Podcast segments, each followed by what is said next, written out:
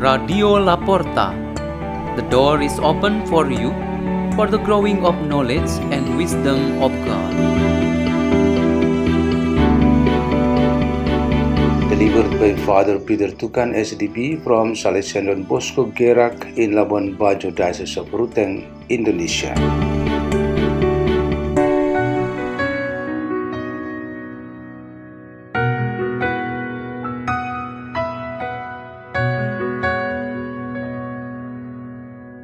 Readings and meditation on the Word of God on the first Sunday of Advent, 3 of December 2023.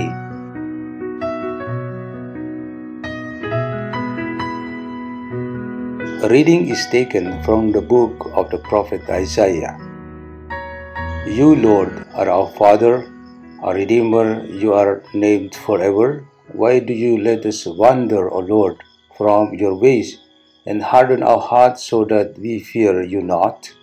Return for the sake of your servants, the tribes of your heritage. Oh, that you would rend the heavens and come down, with the mountains quaking before you, while you wrought awesome deeds we could not hope for, such as they had not heard of from of old.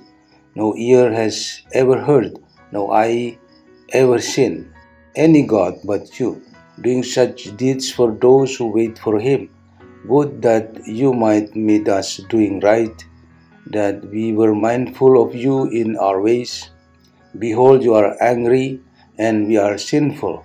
All of us have become like unclean people. All our good deeds are like polluted rags. We have all withered like leaves, and our guilt carries us away like the wind. There is none who calls upon your name, who rouses himself to cling to you.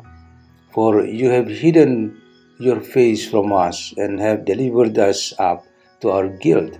Yet, O Lord, you are our Father. We are the clay and you the potter. We are all the work of your hands. The word of the Lord.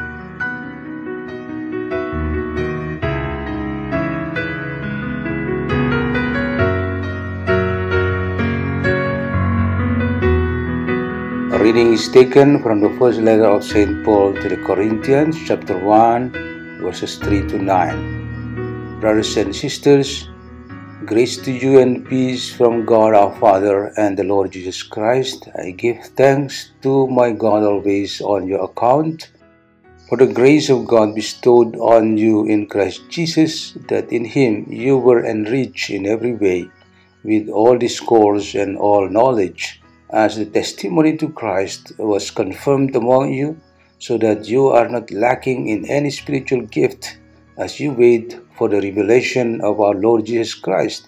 He will keep you firm to the end, irreproachable on the day of our Lord Jesus Christ. God is faithful, and by him you were called to fellowship with his Son, Jesus Christ our Lord.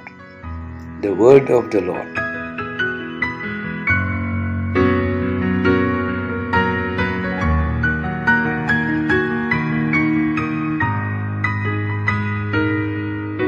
A reading is taken from the Holy Gospel according to Mark chapter 13, verses 33 to 37. Jesus said to his disciples, Be watchful, be alert. You do not know when the time will come. It is like a man traveling abroad. He leaves home and places his servants in charge, each with his own work, and orders the gatekeeper to be on the watch. Watch therefore. You do not know when the Lord of the house is coming, whether in the evening or at midnight or at cockcrow or in the morning. May he not come suddenly and find you sleeping. What I say to you, I say to all watch. The Gospel of the Lord.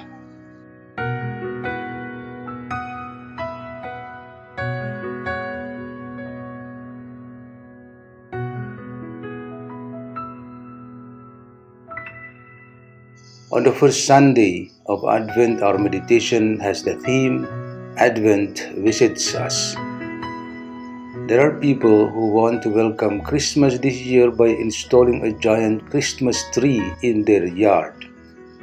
Many of their neighbors are also interested, so they want to decorate their homes and yards with expensive materials. The price can match the price of a car. When a young man who saw such kind of preparation, he commented in this way No need to exaggerate it. After all, we are still on earth. It is better if God is just the one who goes to us, greeting and visiting us. This comment encourages us to conclude that the young man is right. It means that the promise of the second coming of Jesus has been foretold since the time of Jesus. Until now, it has not been realized while we continue to wait. For sure, Advent and Christmas come every year, and we are still on earth. The message for us should be about our stand guard or get ready for the Lord comes again to visit us. Advent comes again to us, greeting us and encouraging us all. Greeting is the beginning of a communication. Encouraging is an act of involvement that influences. For instance, you receive a call and that person begins to greet, then you greet back. The person then conveys the contents of the conversation. In essence, he is involving you in his interest, and so he influences you. Likewise, this Advent comes with the beginning in this first Sunday. Advent invites, influences, and involves us to actively prepare the coming of God. This preparation is a big strategy that has a number of important elements. First, as expressed in our three readings, the second coming of the Lord is at the end of time, then our preparation is eschatological. We are asked to prepare for our death and enter heaven where we find God. Second, periodic preparation is related to Advent that comes to visit us so that we continue to celebrate the Lord Jesus' birthday feast and continue to learn the mystery of Christmas, which is very rich in value. Third, in the periodic preparation, there is a technical preparation in the form of shopping, decoration, family or community party, liturgical practices, recognition, recollection, holy mass, and so on. Fourth, routine preparation indeed reminds us that God will suddenly visit us, so our preparation and preparedness are not based on season. Every time we commit to prepare ourselves, and so we are asked to always be prepared. All of these elements must be a package in this Advent. So we receive greetings from Advent that is not an empty greeting, but a greeting that contains blessings. Let's welcome the Advent. Let's pray. In the name of the Father, and of the Son, and of the Holy Spirit, Amen. Our good and loving Lord, give us a new spirit to start this Advent season with joy, so that we can live it out properly. Our Father who art in heaven, hallowed be thy name, thy kingdom come, thy will be done on earth as it is in heaven. Give us this day our daily bread and forgive us our trespasses, as we forgive those who trespass against us, and lead us not into temptation, but deliver us from evil. Amen.